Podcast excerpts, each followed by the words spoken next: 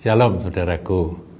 Sedikit kita akan merenungkan tentang uh, bagaimana Tuhan bekerja melalui visualisasi yang ternyata ada unsur iman di dalamnya. Ya, ini kisah dalam perjanjian lama yaitu kisah tentang Yakub. Kita tahu Yakub itu bekerja pada pamannya. Dia bekerja pada Laban yang sekaligus juga mertuanya, saudaraku. Dan di sana Laban itu kan pelit dan dan nakal ya, jadi dia curang. Nah, Yakub ini kan bekerja mengembalakan kambing domba dan kambing dombanya punya mertuanya itu jadi bertambah-tambah. Nah, ini ketika mulai diatur pembagiannya uh, bagaimana Yakub itu bisa memperoleh kekayaan melalui perjanjian yang diubah-ubah oleh Laban. Karena apa? Karena Yakub bersandar pada Tuhan. Nah, ini sesuatu kisah yang tidak boleh diterapkan dengan sembrono, saudaraku, meskipun mengandung kebenaran. Tadi saya awali dengan kata visualisasi tindakan-tindakan profetik tetapi sebetulnya itu merupakan apa ya langkah iman, tindakan iman. Saya bacakan kejadian 30 ayat yang ke-36. Kemudian Laban menentukan jarak tiga hari perjalanan jauhnya antara dia dan Yakub. Maka tetaplah Yakub menggembalakan kambing domba yang tinggal itu. Jadi dipisahkan gitu ya tiga hari perjalanan jauh. Lama loh saudaraku orang jalan tiga hari untuk bisa ketemu aja butuh jalan tiga hari gitu ya saudaraku ya. Ayat 37 maka Yakub mengambil dahan hijau dari pohon hawar pohon badam dan pohon berangan. Jadi pohon apa saja itu yang dahannya hijau itu diambil. Dikupasnyalah dahan-dahan itu sehingga berbelang-belang sampai yang putihnya kelihatan. Jadi dicungkil-cungkil begitu ya, diukir sampai belang-belang. Ia ayat 38, ia meletakkan dahan-dahan yang dikupasnya itu dalam palungan tempat minum. Dalam tempat minum ke mana kambing domba itu datang minum. Sehingga tepat di depan kambing domba itu, kambing dombanya ngeliat, itu diletakkan ya, uh, ini apa dahan-dahan yang sudah dikupas-kupas belang-belang itu. Adapun kambing domba itu suka berkelamin kawin pada waktu datang minum. Jadi Yakub ini tahu tempat di mana atau saat di mana kambing domba itu pada kawin gitu ya, yaitu di tempat minum itu. Nah, di situlah dia letakkan akan dahan-dahan hijau yang sudah dicungkel-cungkel, sudah di, di, dibuat belang-belang begitu ya. Kemudian ayat 39, jika kambing domba itu berkelamin dekat dahan-dahan itu, maka anaknya bercoreng-coreng, berbintik-bintik dan berbelang-belang karena yang dilihat itu belang-belang, yang dilihat oleh uh, hewan-hewan itu pada waktu kawin pembuahan terjadi baik yang betina maupun yang jantan ngelihat ada belang-belang begitu ya. Lahirnya belang-belang saudaraku. Meskipun tidak tahu induknya itu polos atau belang, pokoknya lahirnya belang-belang. Ayat 40 kemudian Yakub memisahkan domba-domba itu dihadapkannya kepala kepala kambing domba itu kepada yang bercoreng-coreng dan kepada segala yang hitam di antara kambing domba Laban. Demikianlah ia beroleh kumpulan-kumpulan hewan bahaginya sendiri dan tidak ditempatkannya pada kambing domba laban. Dipisah ya, yang coreng-coreng itu dipisah. Ayat 41, dan setiap kali apabila berkelamin kambing domba yang kuat, nah ini langkah kedua, kambing domba yang gagah-gagah, yang kuat-kuat, maka Yakub meletakkan dahan itu ke dalam palungan di depan mata kambing domba itu supaya berkelamin dekat dahan-dahan itu. Kalau yang kuat, yang datang untuk kawin, dia taruh. Tetapi apabila datang kambing domba yang lemah, yang suak, yang tidak gagah, tidak kuat, ia tidak meletakkan dahan-dahan itu ke dalamnya. Jadi hewan yang lemah untuk Laban, yang kuat untuk Yakub. Berarti apa saudaraku?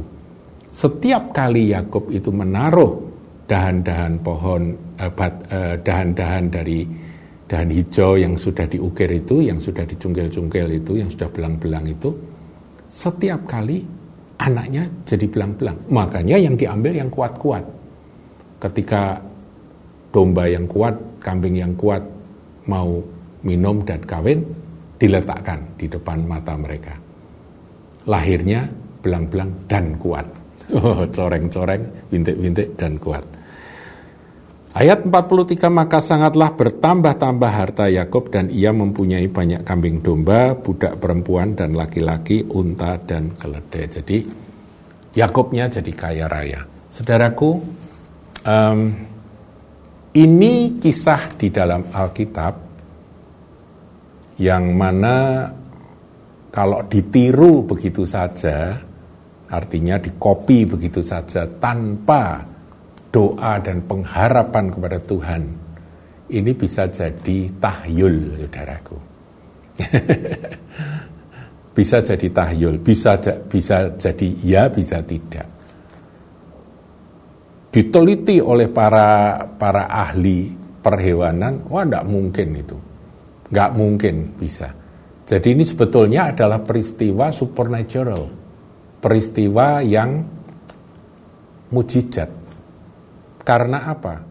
Karena Yakob itu punya doa, punya keyakinan Tuhan, aku akan memiliki kambing domba yang karena aturannya yang belang-belang punyaku, maka aku harus punya anak-anak kambing yang belang-belang. Lah induknya tidak belang, tidak masalah. Seperti ini Tuhan. Nah, saya kira itu doanya dari Yakub. Seperti ini pohon hawar, dahan pohon itu yang hijau-hijau itu dibelang. Seperti ini belang-belang. Mereka kawin, hewan-hewan itu kawin, aku letakkan. Yang kuat-kuat kawin, aku letakkan. Lahirnya jadi, saudaraku. Ini adalah prophetic act. Jadi ini adalah langkah profetik, langkah iman sebetulnya. Jadi yang dinilai adalah imannya, bukan masalah tindakannya. Ngerti ya saudaraku ya? Iman dari Yakob yang percaya bahwa akan jadi seperti itu. Dan benar, dicatat di dalam Alkitab, kambing domba itu lahirnya betul-betul berbelang-belang, coreng-coreng dan bintik-bintik. Tidak polos. Nah, saudaraku, dalam segala hal ketika Anda bekerja, visualisasi apa pun jangan berhenti pada harapan yang bersifat tahyul seperti banyak orang, wah itu Yakub bisa, aku juga bisa. Enggak. Doanya yang penting, saudaraku apa yang dilakukan oleh Yakub itu hanya tambahan, tindakan tambahan.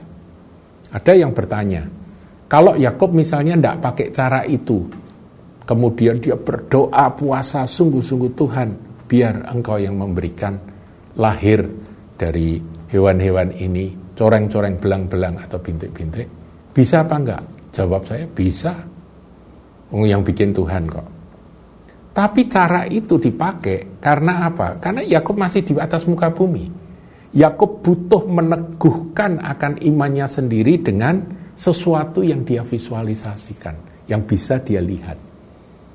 Bahkan dia menunjukkan kepada kambing domba yang mau minum dan kemudian kawin itu, ini loh ya, bing kambing, ini ya domba, kamu nanti kalau punya anak, anakmu kayak ini. Seperti itu saudaraku. Jadi dia punya apa ya iman dan iman itu tentunya melekat kepada Tuhan yang menciptakan langit dan bumi dan punya kuasa atas segala sesuatu. Bukan otosugesti, bukan. Bukan pengharapan yang divisualisasikan saja, Tidak, tapi melekat kepada Yahweh Elohim, Tuhan.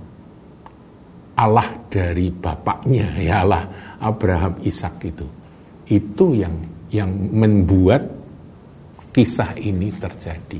Jadi visualisasi, kemudian tindakan-tindakan tidak salah. Tidak salah. Seperti saudara mau dagang misalnya. Mau berangkat dagang, saudara bawa barang-barang, Anda tumpang tangan atas barang-barang berkata, Tuhan berkati barang-barang ini laku semuanya.